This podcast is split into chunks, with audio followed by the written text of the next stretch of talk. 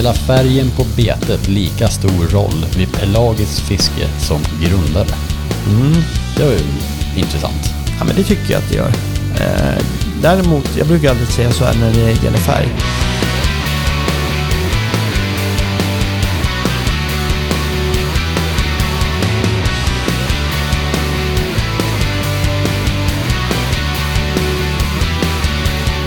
Sådär, det var väl fasiken på tiden att det kommer ett nytt avsnitt, eller hur?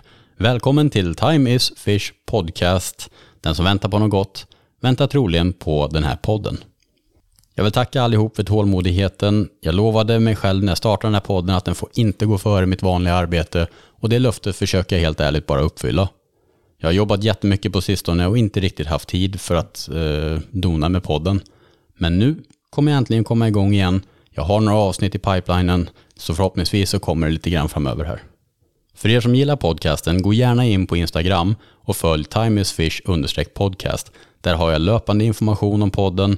Det kommer eh, frågeställningar där ni kan ställa frågor till olika deltagare för att vara med och påverka innehållet. Ni kan också interagera med mig där, komma med förslag, konstruktiv kritik, vad som helst. Där kan ni i alla fall eh, koppla era frågor till podcasten och så kan vi göra den här mycket bättre tillsammans. Vi körde även en tävling där för ett tag sedan där eh, en person kunde vinna gäddbibeln från Tobias Fränstam. Den personen är kontaktad och klar. Förhoppningsvis kommer lite nya tävlingar framöver där också, så håll utkik på timeisfish podcast. Och för att göra den här podden då, jag behöver ju lite ekonomisk uppbackning och där har ett företag som heter latitude65.se varit helt fantastiska från start och varit in och kravlöst eh, stöttat mig lite grann ekonomiskt. Det är ju funktionsdrycker från Norrland. Jag har själv inte varit någon jättekonsument utav sånt, men på senaste tid så har jag successivt börjat prova deras produkter och de är faktiskt riktigt, riktigt bra. Så här kommer de in och stöttar även det här avsnittet. Och då gör de det med en rabattkod som heter TimeIsFish30, vilket ger er lyssnare 30% rabatt på ett köp på latitude65.se. De har massa olika smaker. Är man lite vilsen då kan man beställa ett mixflak där man får flera olika smaker i samma flak eh, dricka. De har också precis släppt en ny smak som heter landskap, men jag sitter och dricker just nu. Det är persika och mangosmak. Också den fantastiskt god som många av de andra. Och det här är ju ett företag som stöttar små aktörer inom branschen. Och det kan ju inte bli mycket bättre. Och då vill jag självklart stötta tillbaka. Så det är ett jättebra samarbete, tycker de är fantastiskt roliga att arbeta med. Och jag tycker det är väldigt kul att de är inne och stöttar små aktörer i sportfiskebranschen. Så om ni gillar att vandra, fiska, eh, träna, vad som helst om ni gillar sådana här funktionsdrycker, gå jättegärna in och kolla på latitude65.se och använd rabattkoden TimeIsFish30. Svinkul att ni är med och stöttar den här podden. Hoppas ni kommer gilla avsnittet. Tack så jättemycket för att ni lyssnar. Nu kör vi igång avsnittet med Tobias Fränstam. Så där, då är jag tillbaka med ännu ett avsnitt där jag sitter hemma hos Tobbe i hans kök här och eh, går igenom lite lyssnarfrågor. Det blir ju en, en uppföljare bara till förra avsnittet med Tobbe och eh, vi bara brötar på genom frågorna här eh, och kör vidare med våran, eh, våran dialog. Ja, vi kan köra igen. Välkommen tillbaka Tobbe. Tack så mycket, alltid kul att vara tillbaka. ja. Nej, men det blev ju eh, mycket snack sist så att eh, jag, jag, väljer att köra två avsnitt utav det istället. Då, så eh, blir det lite lättare att smälta för er som lyssnar också. Men jag har ju en, en lista här med frågor som ni lyssnare har skickat in och, och intressanta punkter. Så vi kör bara rakt in på nästa härliga fråga här eh, som är båtar. Kan mm. tänka mig att ni har ägt ett antal sådana. Kanske finns någon som sticker ut som extra bra eller dålig. Så jag tänker bara att vi får berätta om eh, typ eh, våran eh, bästa och ja, sämsta båt. Men berätta om en minnesvärd båt du har haft. Ja. Bara... ja men bästa båten jag har haft tycker jag generellt det är Crescent 425. Jag har haft två stycken. Mm. Båda som jag byggt om själva. Uh, och, uh, Gjorde inte du en grej på din YouTube-kanal om den? Jag har gjort en som heter Vi bygger en fiskebåt när ja. jag visar hur man renoverar den lite enkelt. Ja, men det kan ju vara bra för er att kika på om ni lyssnar på det här då.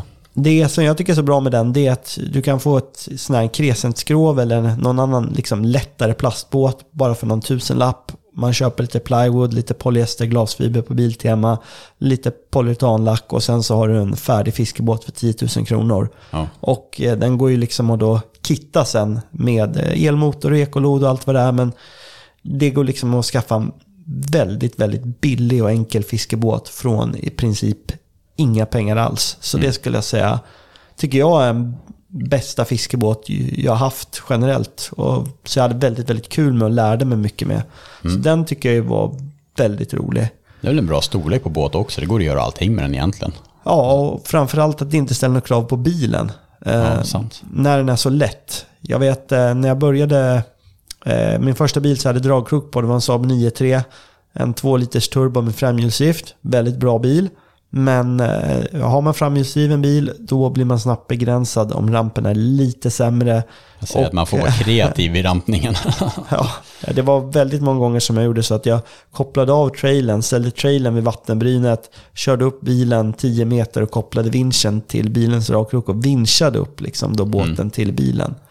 Men när man har en så lätt båt som typ en Crescent eller någon annan båt som väger liksom ett par hundra kilo max, då går framhjulsdrivet väldigt bra att köra med.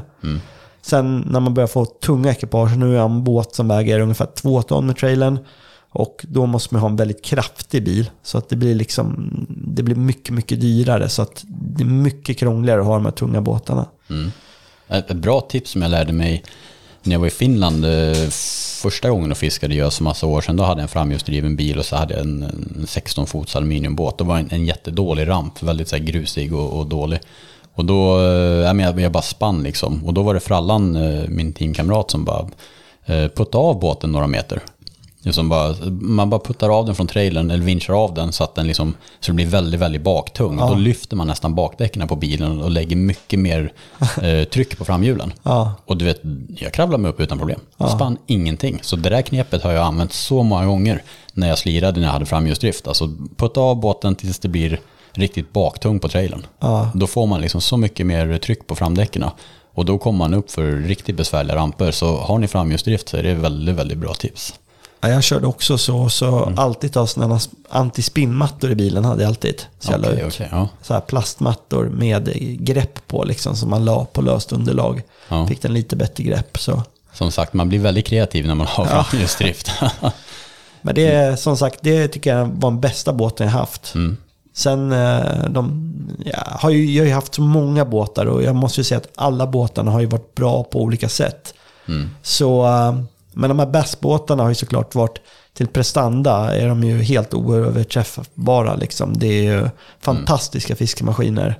Ja, jag håller ju med. Det är när man också åker runt och fiskar mycket som vi gör, att kunna ha allting organiserat och klart i dem så är det ju det är fantastiskt. Ja. Eh, Helhetslösning. Det, jag tror vi brukar jämföra det med när folk liksom, är det nödvändigt? Så bara, ja, fast alltså, det är lite att jämföra med en, eh, en snickare som har en stor van med alla sina verktyg organiserat och klart i. Eh, Det är lite samma sak. Absolut. Att, att allt ska vara simpelt. Nödvändigt?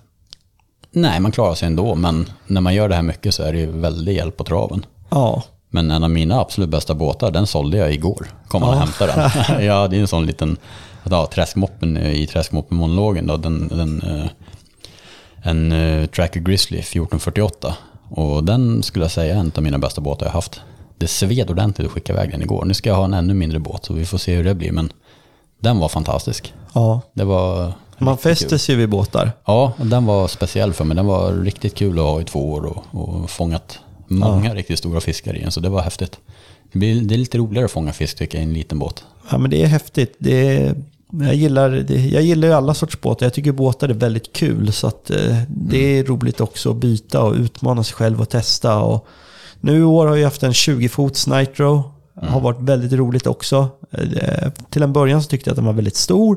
Men desto mer jag kört den så har jag liksom vuxit in i storleken. Och nu så tycker jag att den är fantastiskt bra 20-fotaren. Men eh, först så tyckte jag att det kändes stort att ha 20 fot. Men nu känns det som att det inte är särskilt stort längre. Man Man sig. vänjer sig väldigt fort alltså. Det är det som är det sjuka.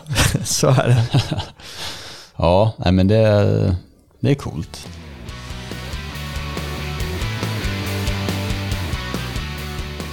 Nu kommer en fråga som jag eh, tycker är väldigt rolig att ta med.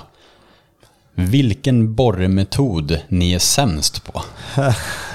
Den, den är rolig. Ja, jag tycker det var kul. Och jag borde ju faktiskt, jag har ju vetat om den här sedan igår så att jag borde ha förberett mig, men det har jag inte. Vad eh, generellt, Ja. vilken metod av abborrfiske är du Ska vi säga så här, generell metod, alltså typ, Ja, visst.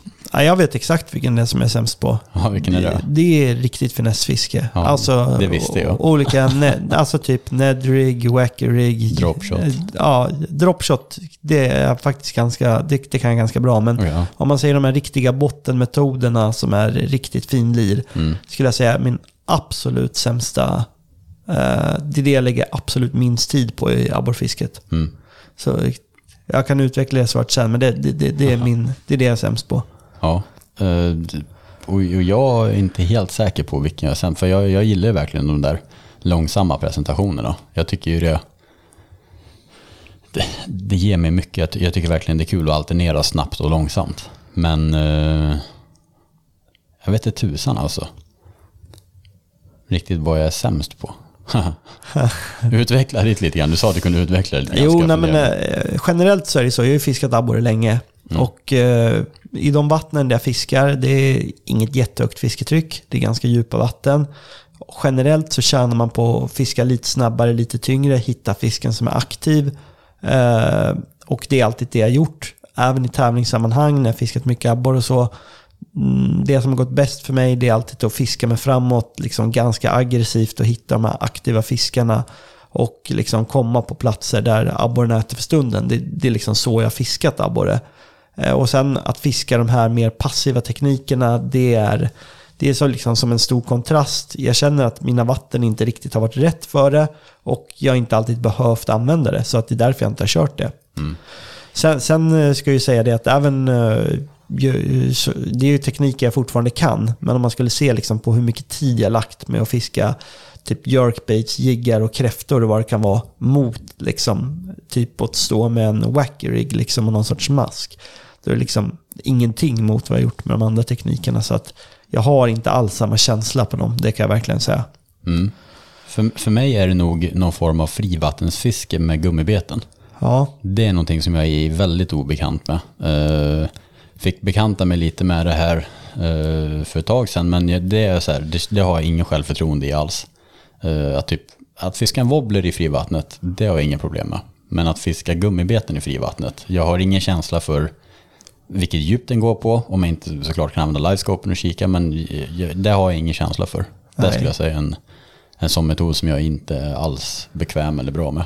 det är ganska ovanligt fiske skulle jag säga också. Man stöter inte på det så ofta. Och det är det jag tror som är grejen, att man är så ovan med det. Ja. Eh, annars gillar jag att alternera mellan tekniker och jag ser många tekniker som en, en, ett bra verktyg. Men just det där att att fiska gummibeten i frivattnet, det är någonting som är väldigt, väldigt främmande för mig, Ja. skulle jag säga. Men det är roligt med abborre och det är det att man, det blir ju som en verktygslåda. Liksom, Desto mer man fiskar så märker man hela tiden hur man kan ta upp de här teknikerna och liksom klara av situationer som man förut hade väldigt mycket problem med. Mm. Men Och- var, varje metod är ju inte, det ska ju inte ses som en, en trend eller sådär. Som det ofta tyvärr, jag tycker det, det ibland Ja. blir vissa metoder typ någon form av trend. Man ska se en metod som ett, verk, alltså som ett verktyg. Verkligen. som ska lösa en form av situation eller en nyckel liksom. Eh, som, jag vet när Dropshot kom, då, då, då hamnade, för det kom samtidigt som vertikalfisket i Sverige. Uh, och det hamnade så himla mycket i skymundan för att folk typ kom in i butiken, skulle köpa dropshot-grejer, sen åkte de ut och bara dropshotade en hel dag.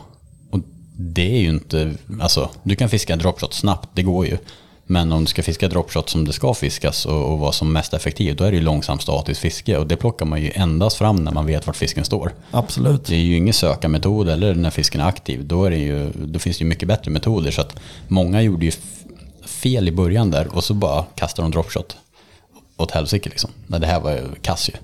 Men för mig är dropshot, de få gångerna det är effektivt och det är svårslaget. Ja, det är en av mina favoritmetoder också. Alltså det, Mm. Det är är, otroligt roligt. härliga hugg och Ja. jag har fått väldigt fina fiskar på det genom året. Så det är verkligen en metod jag använder ofta. Men bara när förutsättningen är rätt. Mm. Ja. Det är inget jag liksom bara åker runt och fiskar med överlag. Det ska ju vara när man vet var fisken står och den kanske Ja. är inaktiv eller att den passerar vid ett väldigt litet område. Ja, Då är det ju dödligt alltså. Eh, För den ger ju, du kan ju hålla betet helt stilla. Lite grann samma med Ned, men Ned ändå bottennära och det är en skillnad. ja det, inte riktigt samma. Nej, jag tycker också det. Det är stor skillnad alltså Ja, på hur de fiskar.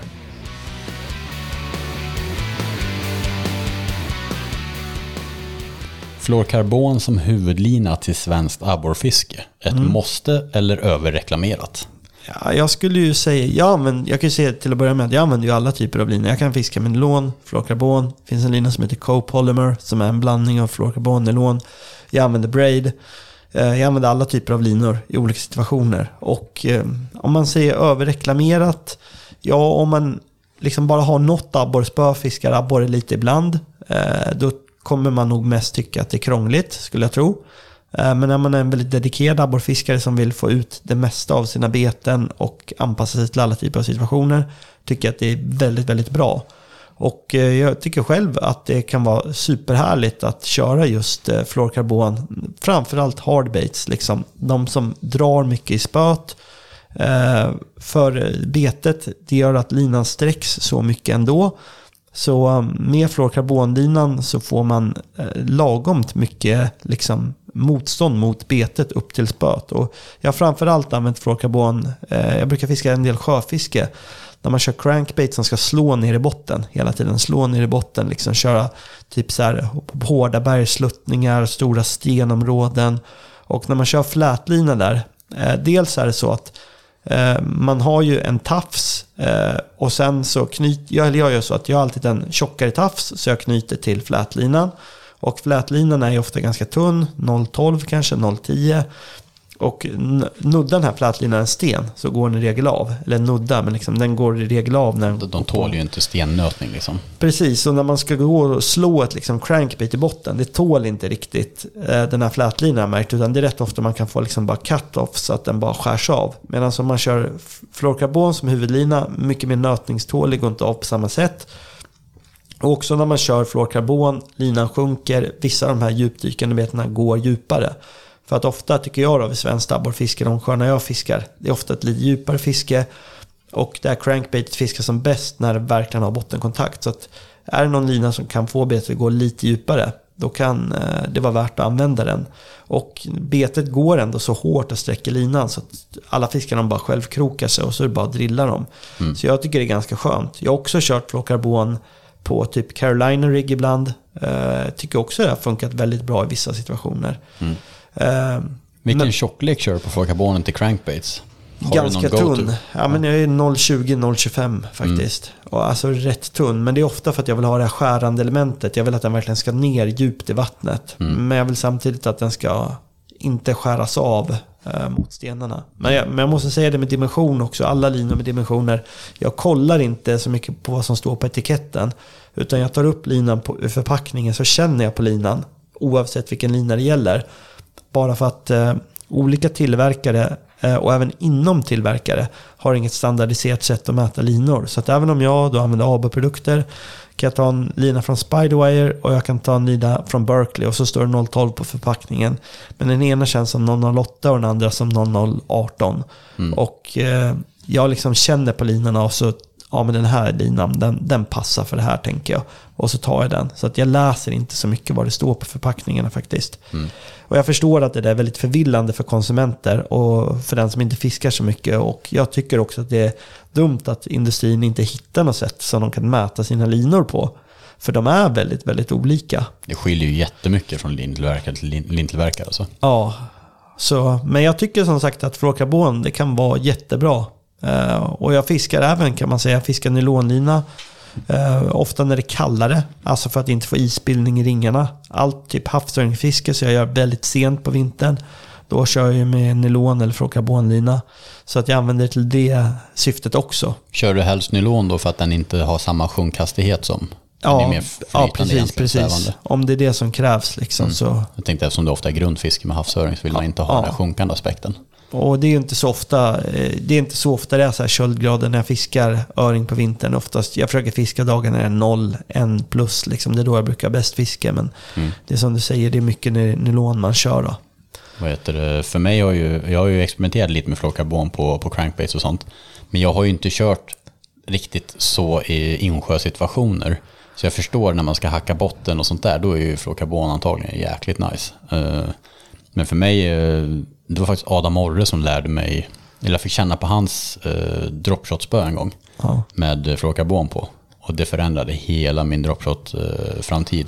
alltså det är ju, det, det är sjuka, jag gillar ju inte det där med fluorokarbon annars, att, att man känner inte huggen lika distinkt som med flät. För det blir ju en, en, en form av svamp. Eh, Men vid dropshot, dels kan man köra lite lägre vikter, kommer ner till botten superfort. Och det sjuka är att huggen känns mycket tydligare då. För att man står ofta med spöt, hög spöföring. Det blir alltid en linbåge med flätlina. Ja. En form av slack. Och flätlina, är inte den spänd, då transporterar inte den vibrationer. Jag håller med. Men fluorokarbon, den kan ligga i en liten linbåge. Men vibrationsöverföringen till spöet är helt fenomenal. Så att när det hugger, alltså det smäller ju i hela spöet fast man har fluorokarbon. Så att där blir det mycket bättre känsla med huggen när man kör dropshot. Och du får en jäkla kontakt med betet. Eh, och där kör jag 0,22 på min dropshot-uppsättning. Och då behöver man inte hålla på med tafsar eller någonting. Man knyter bara allting direkt i, i huvudlinan. Och eftersom det svikt i allting och sånt så jag har fått massa fina gäddor på det där. Det är konstigt nog så går det sällan av alltså. Men Ja. Där har jag funnit fluorokarbon. Men det, det är för mig det är det enda jag kör fluorokarbon på. Det är dropshot-uppsättningen. Ja. Ja, jag, jag har kört det både på dropshot, men eh, jag kör mycket också faktiskt braid på dropshot och eh, bara att jag kör en tafspets då i fluorkarbon. Eh, Det är lite olika. Eh, men, men jag håller helt med dig där om att i vissa situationer så det är väldigt skönt att köra med dropshotet. Däremot ofta där jag fiskar dropshot, det är insjöar. Man kan behöva ganska mycket vikt på dropshotet då. Om man börjar fiska på runt 10 meter. Och ibland då, då blir det liksom, då kan det bli att det blir lite för mycket gummisnodd i, i fluorkarbonet när man använder de här tunna dimensionerna. Eh, framförallt när man flyttar vikten, att man känner liksom hur först linan flexar och sen flyttas vikten. Och, eh, men vid lättare vikter tycker jag också att det är bättre. Men som sagt, jag använder det mest då när jag slashar cranks i botten. Då tycker jag att det är riktigt bra faktiskt. Och just det när man fiskar över stenstruktur. Det kan ju vara så stora kantiga stenar. Det märkte jag nu när någon sjö, för vi fiskade privat eller fall det var under perch fight. Då var det stora stenar liksom. Och det var linan gick av flera gånger bara för att man kastade över en stor sten. Man bara står och vevar och så bara går linan av. Ja, man, man känner ibland... irriterande. Jo, men man bara känner så här att jag är i något och så bara, nej, linan är av. Ja. Det kan liksom gå så fort så att eh, i det avseendet är ju tunn flät, det är den värsta linan man kan ha i de situationerna. Mm. Ja, men den tål ju inte så här gamla inlandsis sprängstenaktigt. Det bara går ju rätt av alltså. Så det finns helt klart eh, väldigt bra tillfällen att köra fluorkarbon. Och i slutändan handlar det väl om vad man själv tycker är kul. Ja, eh, och sådär. Men för mig, för mig har det ju varit uteslutande dropshot. Eh, även om jag förstår ditt resonemang med crankbaits kring sten. Det, är- det är faktiskt riktigt nice. Det ska Ja. jag faktiskt prova lite mer. det är om man ha- har de sjöarna liksom. Jag har väldigt mycket sjöar som är de här lite klara insjöarna med steniga kanter liksom, där man kör eh, på abborren liksom, med olika metoder. Så att det är väldigt mycket bottennära och liksom Ja, man- vassa kanter. Om man ska tänka sig så här eftersom det kommer ju mycket det här som, eh, ifall det var överreklamerat, men det kommer nog mycket från bassfisket att, att många av proffsen där kör mycket fluorkarbon. Man kan ju bara tänka sig Kevin Van Dams crankbait-uppsättning är ju väldigt, väldigt finjusterad till exempel. Han har ju liksom olika tjocklekar av fluorkarbon på olika spön och så olika crankbaits. Så han vet ju exakt på vilken fot varje spö kör det crankbait som sitter på. Ja, Och det är verkligen för att finjustera att den hackar precis lagom Precis. i botten hela tiden. Och det där, det där nivån av finjustering har vi ju egentligen ingen användning av i Sverige. nej inte än. Som jag ser det. Nej, inte än. För det, det där är ju yttersta, yttersta spets på att ha en finjusterad utrustning. Ja. Eh, Så, och sen tänker jag mig också, för de, när de fiskar sina Bass Tour-grejer, de river ju av linorna efter en tävling kanske på fem sex spön och sen sätter de på flät för dagen efter ska de köra någon djup insjö eller någonting. Ja. Eh, Eller sådär. Så att jag förstår ju fluorkarbon är ju bra, det är mycket, mycket billigare också att arbeta med.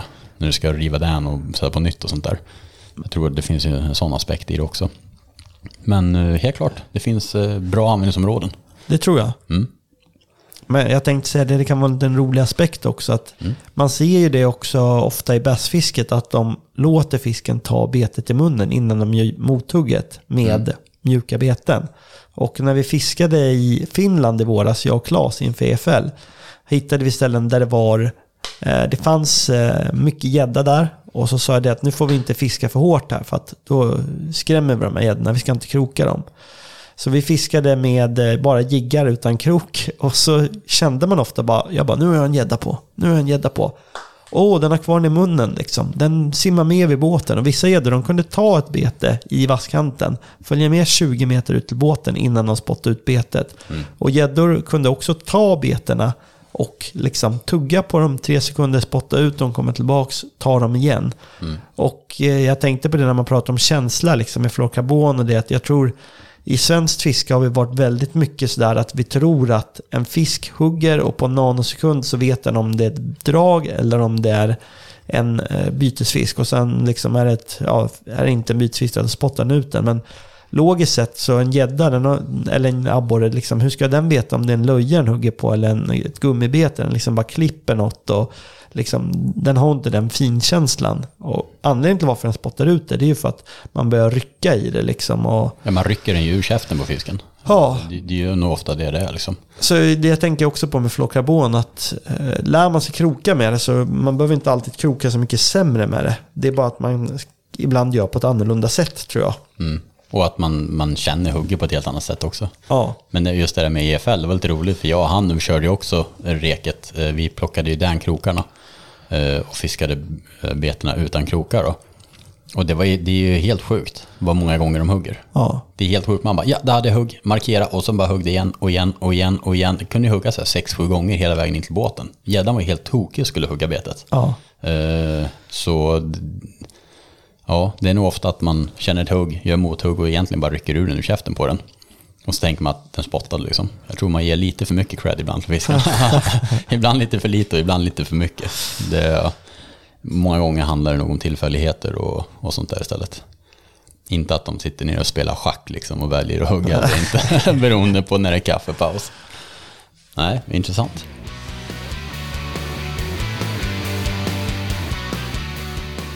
Är det någon som skrivit. Provade en klarvattensjö i somras. Det första som slog mig är varför blir vattnet så klart i vissa vatten? Ja, mm. det, är en, inte, det är en väldigt bra fråga. Jag tycker det är en jätterimlig fråga. Ja, nej, men de flesta vattnen som är grumliga, de är ju grumliga oftast av att de är näringsrika. Det är mm. väldigt mycket organismer i vattnet. Plankton till exempel då, som gör att vattnet blir grumligt.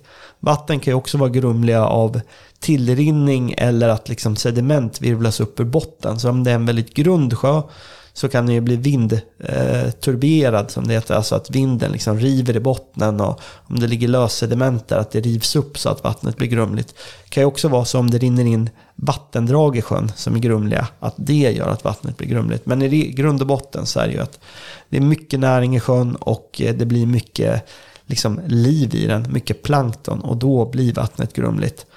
Så sen finns det ju väldigt många olika typer av vatten. Det finns eh, näringsrika sjöar som är eh, klarare, även fast de är väldigt näringsrika. Det är ofta väldigt bra eh, sportfiskesjöar för många rovfiskar. Men eh, vissa vatten de kan också bli väldigt, väldigt grumliga om eh, liksom förutsättningarna är rätt. Det, det, står faktiskt ganska mycket om det i boken. Mm. Men det kan jag tänka mig. Men det är näringshalten primärt då, som bestämmer hur grumlig sjön är, det kan man säga. Mm. Sen så det är andra saker också. Det, man skiljer ju ofta på med sjöar. Med, man brukar säga att det, man har eh, färg och man har grumlighet. Och grumlighet, det är lösta partiklar. Alltså till exempel lerpartiklar och sånt som finns i vattnet. Det är grumlighet. Mm. Sen färg, det är till exempel om vattnet är humöst. Alltså att det är brunt. Vilket kommer från eh, skogsmarker. Då, då är färgat vattnet. Så att eh, vatten kan vara då brunt, alltså att det är färgat men det behöver inte vara grumligt för det. Mm. Så det finns uh, olika sorters saker som kan begränsa sikten helt enkelt. Mm. Uh, och varför skulle du säga att det blir så klart i vissa vatten? Uh, är det bara för att det är näringsfattigt? Ja. Det, det är helt enkelt bara det. Egentligen, man, man kan nästan säga så att om du åker högst upp på typ Kalfjället, mm. eh, där är vattnet väldigt klart. För där har det inte börjat tillföras massa saker i vattnet än. Vattnet har ju i princip regnat ner från himlen. Det rinner genom ett bergslandskap. Och på sin väg ner mot havet så kommer det, det här vattnet samla på sig liksom olika jordpartiklar och andra organiska partiklar liksom som följer med vattnet på dess väg mot havet. Vilket gör det näringsrikare och grumligare. Men först när det är högst där uppe på typ kalfjället, då är det otroligt klart. Så mm. ibland när man ser vissa sådana här filmer och så där, eh, eller om man fiskar där, det kan ju vara så klart i vattnet att man nästan får svindel när man går runt och vadar eller är i en båt. Det är mm. liksom, man ser botten på 10 meters djup och det är för att det är så näringsfattigt. Det är liksom knappt någon näring alls i vattnet där uppe. Det är coolt, det var ett klockrent svar. Eh, och jag hoppas eh, du som ställde frågan gillade det svaret, det var ju perfekt.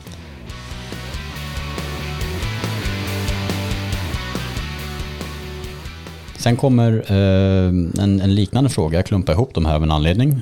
Det är hur ser man om en sjö eller ett vattendrag mår dåligt? Ja, det är ju inte jättelätt att se. Eh, de kan ju må dåligt på olika sätt. Eh, det vanligaste sättet att en sjö mår dåligt i Sverige idag, det är ju till exempel kanske om den är försurad. Att det har regnat ner sur nederbörd som har gjort att eh, vattnet blir allt surare. Blir det tillräckligt surt så kan vissa fiskarter försvinna. Till exempel mört brukar försvinna väldigt tidigt. Den är försurningskänslig säger man. Mm -hmm. Blir det för surt, då kan ju all fisk dö. Och hade vi inte kalkat det va, i Sverige, eh, vilket vi har gjort i många, många årtionden, då hade väldigt många sjöar i skogslandskapen varit fisktomma idag. För att det kommer så mycket sur nederbörd från eh, framförallt då förbränning av till exempel då fossila bränslen. Som har gjort att eh, ja, sjöarna blir helt enkelt försurade. När började, man upp, eh, när började man se det här problemet med försurade sjöar och sånt? Jag skulle tro att det var någonstans där runt 60-talet. Okay. Och mm. man såg det väldigt tidigt. Det finns säkert något årtal när man började kalkningen, men det var ju där i den vändan. Och man såg det framförallt till exempel på västkusten runt Bohuslän. Det är ganska karga, näringsfattiga sjöar som fanns där. Och vissa av de här sjöarna de blev klarare och klarare och klarare. Och abborrarna som fanns där i, de blev större och större och större. För det kom inga nya abborrar. Utan de dog ut och de fiskarna som fanns kvar blev äldre och äldre. Och det var faktiskt bland annat sportfiskare som slog larm på den tiden om att någonting liksom var på väg att hända med de här sjöarna. De fick liksom inga små fiskar längre. Mm. Och då börjar man med de här kalkinsatserna bland annat. Men det kalkas inte lika mycket längre va? Eh, inte riktigt lika mycket. Man har ju fått ner bland annat eh, den här sura nederbörden. Eh, förr i tiden då var det ju inte alls samma krav på rening. Varken vid industrier eller i liksom olika motorer i bilar eller vad det var. Så att det kom ut mycket mer svavelhaltiga ämnen i atmosfären. Mm. Och det har blivit renare. Men eh, har något blivit försurat, då måste man kalka under väldigt lång tid för att återställa den här balansen. Då. Så, och det är fortfarande försurat till viss del, eh, från, fortfarande då från utsläpp. Eh, så att källorna är inte helt borta, så att det är fortfarande ett problem. Men eh, det, det, är ju en sak man kan se om en sjö mår dåligt. Ett annat sätt är ju att den kan vara för grumlig, att den tar emot för mycket näring. Och då brukar det ju bli väldigt, väldigt täta vassbälten runt om sjön. Det blir kanske bara över, eller flytbladsvegetation i den längs med kanten, alltså näckrosor. Det finns inget som växer i sjön för att vattnet blir för grumligt. Och då tar ju sådana här eh, fiskarter som kanske ruda, sutare och braxen över eh, fiskbiomassan i sjön. Och Abborre och gädda försvinner, de kan inte jaga längre för att det är så dålig sikt i sjön. Men gös är en sån art som kan trivas i vissa sådana vatten. Eh, även fast de är hyperövergödda eh, då. Så det är en annan sjö som kanske inte mår så bra. Men eh, även om sjön inte mår bra så kan de ju faktiskt leverera bra fångster. Till exempel en försurad sjö som jag sa. Det finns vissa sådana här försurade vatten som har gett gigantiska fiskar av olika fiskslag. Till exempel abborre förr i tiden. Därför att eh, de blev större och större de få abborrarna som fanns kvar. Även sådana här hyperiotrofa vatten kan ha väldigt stora gösar. Gös är den enda rovfisken som verkligen trivs i en sån sjö. Och eh, ja, de kan vara väldigt speciella. Hmm. Intressant. Vad, finns det något eh, annat yttre tecken eh, som man kan se direkt när man kommer till ett eh, sjö eller vattendrag som är en tydlig indikation förutom vattenklarheten? Typ, är det någon speciell växt du hittar vid en sån sjö som man bara, det där är inget bra tecken liksom? Nej, det skulle jag inte säga generellt, men man kan ju säga det att eh, när sjöar och vattendrag går mot sina extremer så de blir ju artfattigare. Så är det liksom ett hypereutroft, alltså ett näringsrikt vattendrag, då blir det liksom vass och kaveldun och näckrosor runt om stränderna. Sen är det inte så mycket mer växter man ser. Mm. Och är det liksom då typ ett kraftigt försurat vatten, då kan det börja växa liksom vitmossa ner i vattnet. Det är en art som tål liksom väldigt sura miljöer mm. och så vidare. Så att man kan se det på lite sådana här karaktärsarter, men det är kanske lite svårare om man inte tänker på det liksom.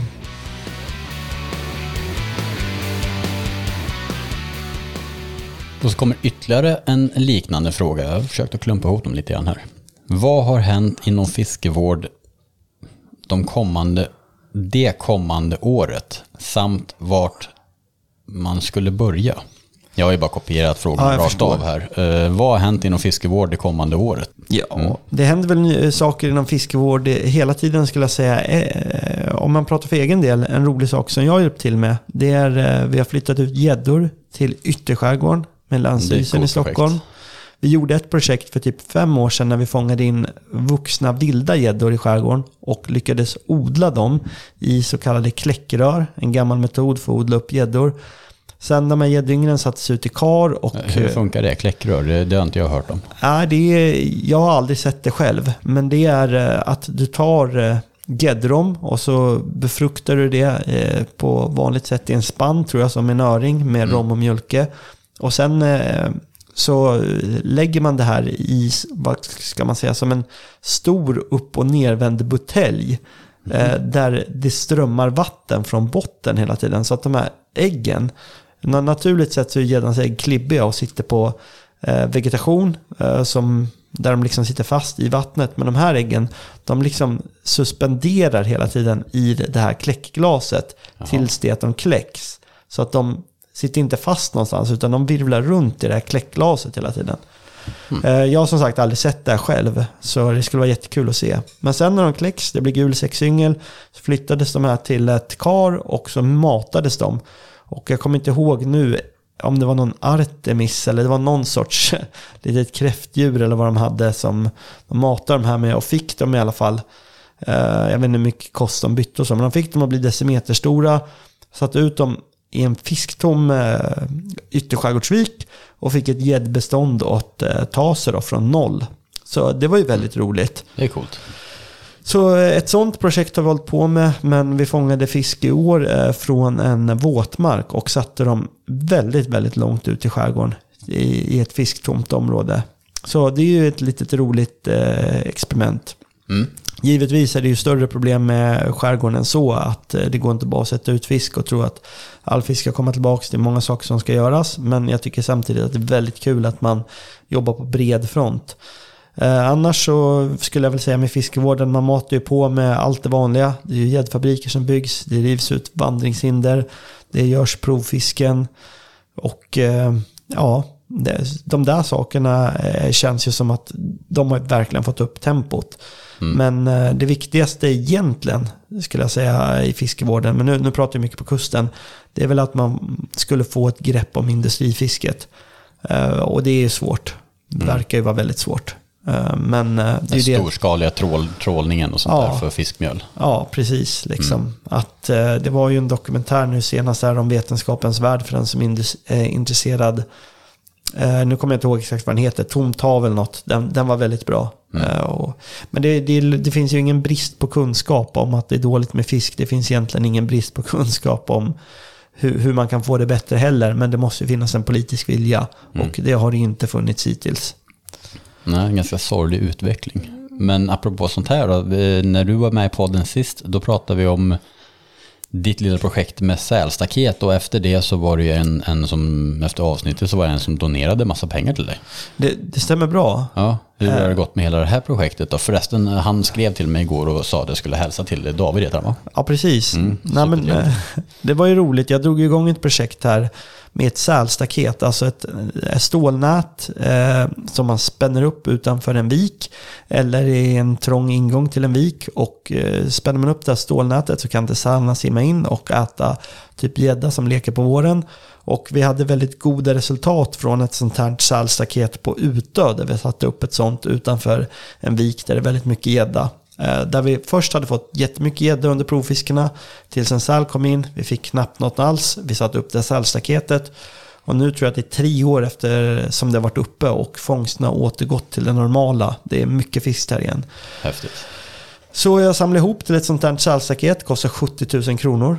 Det var fantastiskt. David och han skänkte 27 000 i en swish. Eh, Ja, det är helt sjukt kul alltså. det var väldigt kul och sen så auktionerade jag ut lite beten och lite annat. Och, ja, vi hade lite olika Swish-insamlingar, lyckades samla ihop de här pengarna. Och eh, jag beställde det här nätet och gav det till Stockholms stad i våras. Så att det ligger in till en liten mar som heter Bihagsmar på Gålö. Så rampar man vid morarna så ligger det här sälstaketet där. Och det är många som har skrivit till mig och sagt att de har sett väldigt mycket fisk runt det här sälstaketet i år. Och i den här viken, att det liksom är mycket mer fisk. De har aldrig sett så mycket fisk i den här viken. Coolt. Eh, vilket låter, låter nästan för bra för att vara sant. För eh, ja, liksom att har bara legat där en säsong. Men de säger att det är jättemycket fisk där som rör sig. Och att de ser att det är liv i vattnet. Så att det är ju väldigt roligt. När ska det provfiskas? Eh, De har provfiskat den här bihagsmar förut med elfiskebåt. Och jag tror den har provfiskats med spö någon gång. Eh, jag vet inte om den ligger med i någon provfisken framåt. Men eh, det kommer det säkert bli. Det tror jag. Men, Coolt. Alltså det är riktigt kul. Så det är kul att det där är på plats. Och eh, det som också var roligt det var att jag fick ju eh, kontakt med näringsdepartementet efter att jag hade gjort den här insamlingen. Och då så uppmärksammade de mig på att det fanns flera miljoner i statliga medel att söka årligen för den här typen av insatser. Vilket ingen visste om. Så nu för tiden så, eh, bland annat Stockholms eh, länsstyrelse då, det är de som tillhandahåller de här bidragen. Eh, Det går att söka då årligen från en väldigt stor pott med pengar för att sätta upp bland annat sälstaket. Så att man kan säga att den här insamlingen verkligen blev liksom en liten gnista som tände elden. Så att eh, för finansieringsmässigt har det blivit mycket bättre för eh, fiskevården. Att det är inget problem längre att få köpa in sälstaket på sådana platser där det behövs. På grund av den här insamlingen då som alla sportfiskare hjälpte till att realisera. Ja, coolt. Så det är kul, det kan man läsa om i boken också. Det står egentligen hela den här historien och faktiskt ett helt kapitel om säl har jag skrivit. Ja. Coolt. Säl och gädda. I gäddbibeln då. Ja.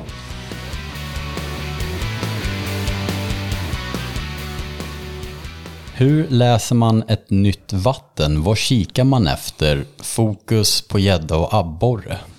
Mm. Det, är ju, Det är ju en stor fråga. det är en stor fråga. Eh, Det som jag säger eh, i alla vatten, det är jag tänker på vad är det som lever i det här vattnet? Vad är det gäddan eller abborren äter? Och vart är bytesfiskarna nu? Det är ju egentligen det som nästan är den stora frågan i allt fiske. Eh, Egentligen är det så här med alla fiskar, att om de inte leker, då äter de. Det är de två sakerna de behöver göra. På våren så leker de, då är de kring lekområdena, de är på väg in mot lekområdet, de leker eller de är på väg ut från lekområdet. All övrig tid så är de ute efter att äta mat. Och det enda som egentligen begränsar dem när de är ute och liksom jagar, det är om de blir prederade. Alltså till exempel i skärgården så man hittar inte gädda och abborre på sådana områden där de lätt skulle bli eh, uppätna av sälar eller skarvar. Men i annat liksom fall så om det inte finns någon predator som begränsar dem, då är de där maten finns. Så jag funderar alltid på vad är det de äter och eh, vart hittar jag de här bytesfiskarna. Så det är det som jag fokuserar på när jag fiskar oavsett vart jag fiskar helt enkelt. Sen finns det ju såklart parallella strategier. I en sjö så kan det finnas gäddor och abborrar som äter både mört i vassen, sik på djupt vatten, kanske lake en viss del av året. Så att det där skiftar ju hela tiden. Mm. Och ofta i, st- i större sjöar finns det flera typer av gädda. Ja, Eh, till exempel Vänern är ett bra exempel. Det finns ju flera eh, typer av gädda som anpassar sig till olika typer av betesfisk. Så det, det finns ju många olika varianter av eh, aspekter. Men att, att försöka hitta vart de äter just nu, det är en bra, bra utgångspunkt. Men tänker man på det sättet, då har man liksom knäckt eh, alltså en stor del av koden. Mm. Det är liksom bara det man behöver fokusera på. Och sen är det bara att lära känna arten. Ja. Alltså, och, och istället för att tänka vart står gäddan så tänker man verkligen vart står bytesfisken. Mm. Då löser han sig. Ja, Vad är det som händer? det är en gunga. Hörs det mycket där? Jag vet inte riktigt hur mycket det kommer att höras. Nej. Det är en sån här gunga som gnisslar. Den får vara där. Ja, Det är en gunga i bakgrunden. Det får, Ja. ni, det får, ni, det får ni stå ut med. Tobbe har faktiskt barn. ja. Nej men det, det, det brukar ju vara, eh, ja, det, det låter ju väldigt enkelt när du säger det sådär, men det, det är väl det man får utgå ifrån. Om man, inte, alltså, man kan ju gå in, det, det bästa hade ju varit att ha en specifik sjö vi kunde kika på och, och snacka om, men det, det generellt. Men det gäller att också förenkla fisket. Liksom. Det är lätt att man gör fisket komplicerat. Men samtidigt så är det ju bara att tänka efter. Ja, men vad är den här abborren ska göra eller vad är den här gäddan vill göra? Ja, den vill ha det lugnt och skönt och äta sig mätt. Liksom. Den här viken, oh, jag ser ju här, det är fullt av mört som simmar runt. Ja, då kommer det finnas rovfiskar i närheten. Det kan jag garantera. Mm. Och sen gäller det ju att bara försöka fånga dem. Det är inte alltid de står mitt bland maten också. De kan stå på kanten utanför, i kanten på vegetationen, inne i vegetationen. Liksom. De kan ju positionera sig på olika ställen, men de är ju där maten är. Det är grundförutsättningen.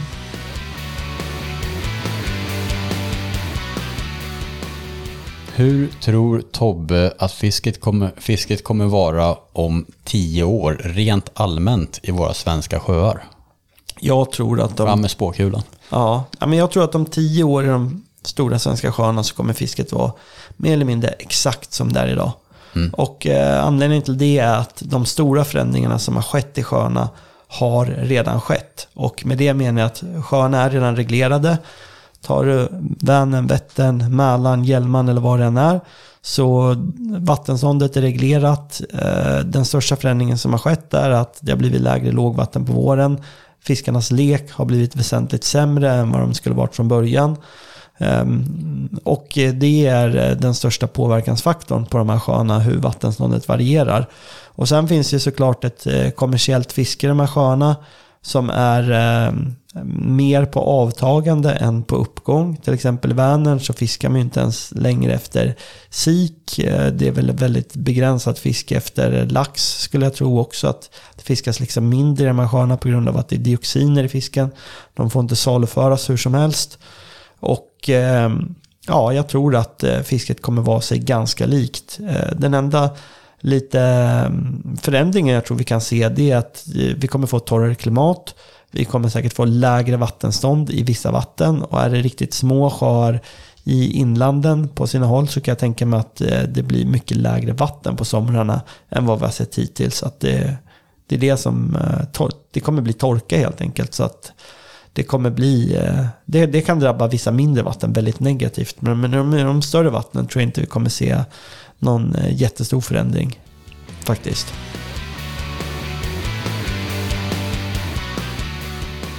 Här kommer en väldigt intressant fråga som, eh, som jag har eh, funderat lite grann på till och från. Det är en riktig vattendelare. UV-färger på beten. Något som kan förbättra fisket eller har det ens betydelse? Ja, alltså det finns ju fiskarter som kan se UV-ljus, det vet man. Eh, sen så det är ju inte så undersökt exakt vad varje fiskart ser och inte ser. För gäddan så har jag aldrig faktiskt hittat om de ser UV-ljus eller inte. Man vet att gäddan ser färg bra, men jag har inte sett om de ser UV-ljus eller inte. Eh, men jag tror att... Ser de, finns det studier på att de ser färg? Liksom? Eh, Ja, man, man kan ju titta på eh, liksom hur ögat är uppbyggt på fiskar och ifall de har de här färgseende syncellerna. Och i princip alla de här grundvattenslevande benfiskarna, de har väldigt bra färgseende. Okej. Mm. Sen vet jag att eh, det finns, eh, alltså till exempel i Australien så fanns det fiskar som såg likadana ut på korallreven men som levde och betedde sig olika och man förstod inte vad det, liksom, hur det kunde vara olika arter som såg likadana ut. Tills man studerade dem med UV-ljus och såg att fiskarna såg inte likadana ut. Fiskarna kunde se skillnad på varandra för de hade olika täckning om man kollade på dem i ett ultraviolett spektrum. Så det finns fiskarter som ser UV-ljus. Sen som sagt eh, är det inte säkert att alla våra svenska fiskar ser det. Men eh, jag tror att eh, det absolut kan ha betydelse. Men det gäller ju då såklart att arten kan se det. Och vilka svenska fiskarter som kan se det och inte kan se det, det vet jag inte. Och, det, det har ju länge varit snack om att salmonider kan se det. Ja. Typ laxartade fiskar liksom. För jag vet inom trollingen så har det ju varit ganska länge snack om UV. Ja, precis. Vad, finns det något bevis på att öringar och laxar ser UV? Jag, jag vet inte vilka fiskar som kan se det och inte se det. Det finns säkert att läsa om man googlar runt på det. Men det går ju att göra liksom dissektioner av ögonen och se vad de har för synceller så att säga. Och vad de här syncellerna reagerar på för våglängder. Och det har man ju gjort på vissa fiskar då. Så men det är ingenting som du brukar aptera ditt fiske, att du väljer drag som Nej, du vet har UV? Jag har faktiskt eh, aldrig fokuserat på det överhuvudtaget. Nej. Men jag avfärdar inte, så det är bara något jag aldrig har grävt ner mig i. Mm. Eh, så att, eh, men det är en väldigt intressant frågeställning tycker jag. Så jag skulle jättegärna vilja veta mer om det. Så är det någon som verkligen vet om någon som har dissekerat gäddögon och undersökt det, så är det, eller abborrögon, det skulle vara jätteintressant att höra. Mm. Vad är det du brukar säga, att man blir salig på sin tro? Jo, men eh, så är det ju absolut. så att eh, fungerar det för en, då är det ju liksom bara att köra på. Mm.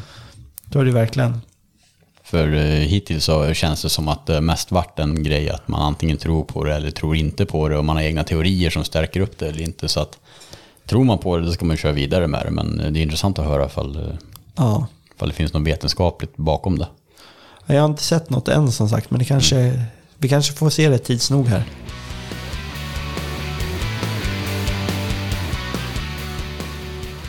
Har, eh, har vi några tips till fiske från land? Alltså något tips som jag alltid brukar säga till folk, det är det att de ska välja rätt vatten. Mm. När jag var mindre så gick jag väldigt mycket, jag kommer ju från eh, Sörmland då, och här är väldigt många sjöar så att eh, de är väldigt varierande. Att det kan vara små bergknallar, det är små vassruggar, det var liksom lätt att komma till från land och gå ut och kasta på små bergknallar liksom i vassen och runt om sjön. Och det tycker jag är bland de bästa tipsen. att Välj sådana ställen där det är enkelt att komma åt. Mm. Så att det inte är liksom som någon vasssjö liksom, men det finns ingenstans att stå. Utan välj någon åsträcka eller någon liten sjö eller något där det är lätt att komma åt vattnet. Det är mm. ett av mina bästa tips. Mm. Det är ju väldigt bra. Sen en annan tips är att fiska med beten som går bra att fiska från land som inte fastnar så mycket i botten generellt kanske vanliga jiggar med en ryggkrok ja. är rätt bra. Liksom, men jag tänker mig mycket så här, alltså, små spinnerbaits. Det hade ju varit perfekt. Det är ju sjukt bra att gå och kasta från land. Gäddorna älskar dem och man kan fånga abborre och allt möjligt på dem och de fastnar ju aldrig i botten nästan. Du kan kasta dem med näckrosor, vass, allting. Så typ, jag skulle säga att fiskar man mycket från land så ska man också tänka lite på betena som inte fastnar. För det, det är ju rätt besvärligt att få bort ett bete från land eh, om man sitter i en stock tio ja. meter ut. Bara att bada. Men... Ja, det är det. Men eh, det är bra att, att hitta ställen man komma åt från land och fiska och sådär. Eh, Betesvalet, som sagt. Betesval. Det är väl två bra aspekter. Riktigt bra tycker jag. Mm.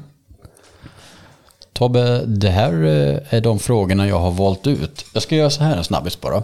För att eh, min händelse ligger fortfarande aktiv på eh, för er som inte vet det så har jag en Instagram som heter Time is Fish Podcast. Och där kan man ju följa och se avsnitt och interagera med, med mig och innehållet i podden. Så slipper man följa mig, min vanliga Instagram. om, man, om man hatar mig som person. Uh, ska se här bara ifall vi har fått, det kan ju ha kommit in någon superhärlig fråga nu under tiden vi har suttit här faktiskt. Och det vill man ju inte missa. Uh, det är väldigt kul att det är folk som frågar på. Ja. Det tycker jag. Det är fantastiskt. Ja, det har kommit några frågor där faktiskt. Och mycket av de här frågorna de hittar man också svar på faktiskt i boken sen. Så... Ja, det är det som var lite roligt just att, att boken kommer nu när vi skulle göra det här. Alltså det var ju perfekt eh, kombination här och Verkligen. göra lite reklam för din bok. Ja, men det tror jag att den kommer hjälpa många att få fler gäddhugg faktiskt. För att det är såna, många sådana saker som man alltid har funderat på. Nu finns det någonstans där man kan söka efter det här, är ju en ganska intressant fråga som har kommit in här precis nu. Spelar färgen på betet lika stor roll vid pelagiskt fiske som grundare? Mm. Det var ju intressant. Ja, men det tycker jag att det gör. Eh, däremot, jag brukar alltid säga så här när det gäller färg. Att eh, nu, nu, var det där ospecifikt metod. Men till exempel när du trollingfiskar. Då spelar färgen en större roll än när du spinnfiskar. För eh, vid trollingfiske då rör sig betet statiskt. Det är betet som eh, eller det är båten som får betet att röra sig och man märker även om man har samma bete ute på flera spön att det kan vara en viss färg som det hugger på medan om man fortsätter att hänga ut samarbete med andra färger så hugger det mindre. Medan när man spinnfiskar då kan det vara så att det är en person i båten som fångar fisken. Och även fast de andra byter till samma färg kanske de inte börjar fånga fisk eller lika mycket fisk. Men där är ju också inspinningen väldigt, väldigt central. Hur snabbt man spinner, hur man knycker med spöet, hur långa spinnstopp man gör och så vidare. Så jag tycker att det inte behöver vara någon skillnad i då, alltså vart man fiskar, grunt eller djupt. Nej, det tycker jag inte har någon betydelse för om färgen är mer eller mindre eh, betydelsefull. Däremot så tycker jag som sagt att eh, metoden spelar stor roll för färgen. Är det statiska metoder blir färgen viktigare. Mm. Det låter ju fullkomligt logiskt. Vad ska du säga, tänker du mer när du fiskar så här pelagiskt, tänker du mer på att välja en färg som automatiskt skapar en bättre siluett emot det aktuella ljuset? Fall det är moln eller blå himmel eller så och du fiskar över 10 meters djup. Väljer du färg enligt det? Jo, men man försöker ju, jag tycker generellt vill man ju ha ett bete som syns lite mot himlen. Så mm. lite mörkare beten, det är nog min favorit. De här allra ljusaste brukar inte jag använda särskilt mycket i alla fall. Mm. Men eh, jag tror faktiskt att gäddan ser eh, silhuetter väldigt bra och bättre än vad man tror. Om det är klart i vatten i alla fall. Mm. Och åtminstone, jag har ju dykt mycket själv och snorklat mycket själv och så. Allt som syns mot ytan, även om det är ljust, brukar synas väldigt bra tycker jag. Mm. Så jag tror att gäddan har väldigt bra koll. Och det tycker jag faktiskt också när man har använt ekolod, när man testar att kasta på en gädda som står på 10 meters djup. Ja. Alltså när betet plaskar ytan, då har gäddan nästan tagit det. Man kan inte fatta hur den liksom kan reagera så snabbt. Det är det som är så sjukt, alltså, de är ju så uppmärksamma så att man... Ja. Alltså, det, det, är skrämmande. så jag, jag har ju lärt mig genom åren nu med, när man har kört med live-load och sånt där, och man har sett de här extrema reaktionerna, då har man ju verkligen blivit mer salig på sin tro att fiska högre än för djupt. Absolut, jag håller helt fiska, med. Det är mycket bättre att fiska tre meter för högt än tre meter för djupt. Ja, ja, ja det håller jag helt med om. Och liksom, desto mer sti, fisken stiger, desto aggressivare blir den när den stiger. Eller den liksom, när den börjar stiga, liksom, då blir den så här, nu tar jag den. Ja, men gäddan verkar ju vara så, den bestämmer sig på plats. Sen positionerar den sig, ja. sen gör den utfall. Gösen är ju lite mer psykopat. Den kommer ju smygande i ungefär samma fart hela vägen fram till betet. Och då har den fortfarande inte bestämt sig. Det gör den ju, den kan ju följa betet i fem meter efter att den har kommit ikapp den och välja att hugga eh, eller inte. Medan en gädda, det är sällan den spurtar mot ett bete, stannar för att sen följa efter. Nej. Den är ju lite mer så att den, den bestämmer sig på långt håll och sen gör den en spurt. Ja, Verkligen. absolut. Man kan ofta se på ekolodet hur de liksom positionerar sig med huvudet emot betet. Drar ihop sig till en liten slangbälla så bara skjuter de. Ja, verkligen. Coolt. Nej, det är fantastiskt. Ja. Har du något mer att tillägga? Eh, nej, inte direkt. Nej. Vad en rolig fråga. Ja. ja, men nu har vi eh, faktiskt betat av alla frågor som jag skrivit ner. Det var lite frågor till, men jag ville försöka ha lite spridning på dem och försöka få med lite, lite bredd i det. Och, och såklart, det finns ju mer att hämta om vi kör ett jubileumsavsnitt nästa ja. år igen. det är alltid roligt att få vara med och det är väldigt kul att alla som frågar frågor. Ja. Så lyssnar ni på det här avsnittet så uh, ni får jättegärna titta i min bok, mm. Gäddbibeln. Mm. Absolut. Tack så jättemycket för att du var med och gjorde det här igen Tobbe. Tog lite tid. Nu ska jag försöka komma igång i höst här. Jag har flera coola avsnitt. Jag ska faktiskt nästa vecka spela in ett avsnitt med uh, Pelle Sett och snacka rullar. Så det blir ju superspännande. Det kanske släpps innan det här avsnittet. Vilket som. tack så jättemycket för att ni har lyssnat allihop och tusen tack igen Tobbe för att du eh, tog dig tid och, var med i podden. Tack så mycket för att jag fick vara med. Ja, ha det bra allihop. Hej då. Så där, då var vi i hamn med ytterligare ett avsnitt av Time is Fish Podcast. Hoppas ni har gillat det här avsnittet med Tobias Fränstam. Näst på tur är Mikko Seppinen, legenden ifrån Dalarna. Det ser jag mycket fram emot, hoppas ni också gör det. Glöm inte bort att gå in och följ timeisfish podcast på Instagram om ni tycker om den här podcasten. Och glöm absolut inte bort att gå in på latitude65.se och handla deras fantastiska funktionsdrycker med koden TIMEISFISH30 som ger er 30% rabatt på ert köp. Det här företaget stöttar små aktörer som den här podden inom sportfiskebranschen och det ska vi värna om. Tusen tack för att ni har lyssnat. Ha det så bra allihop.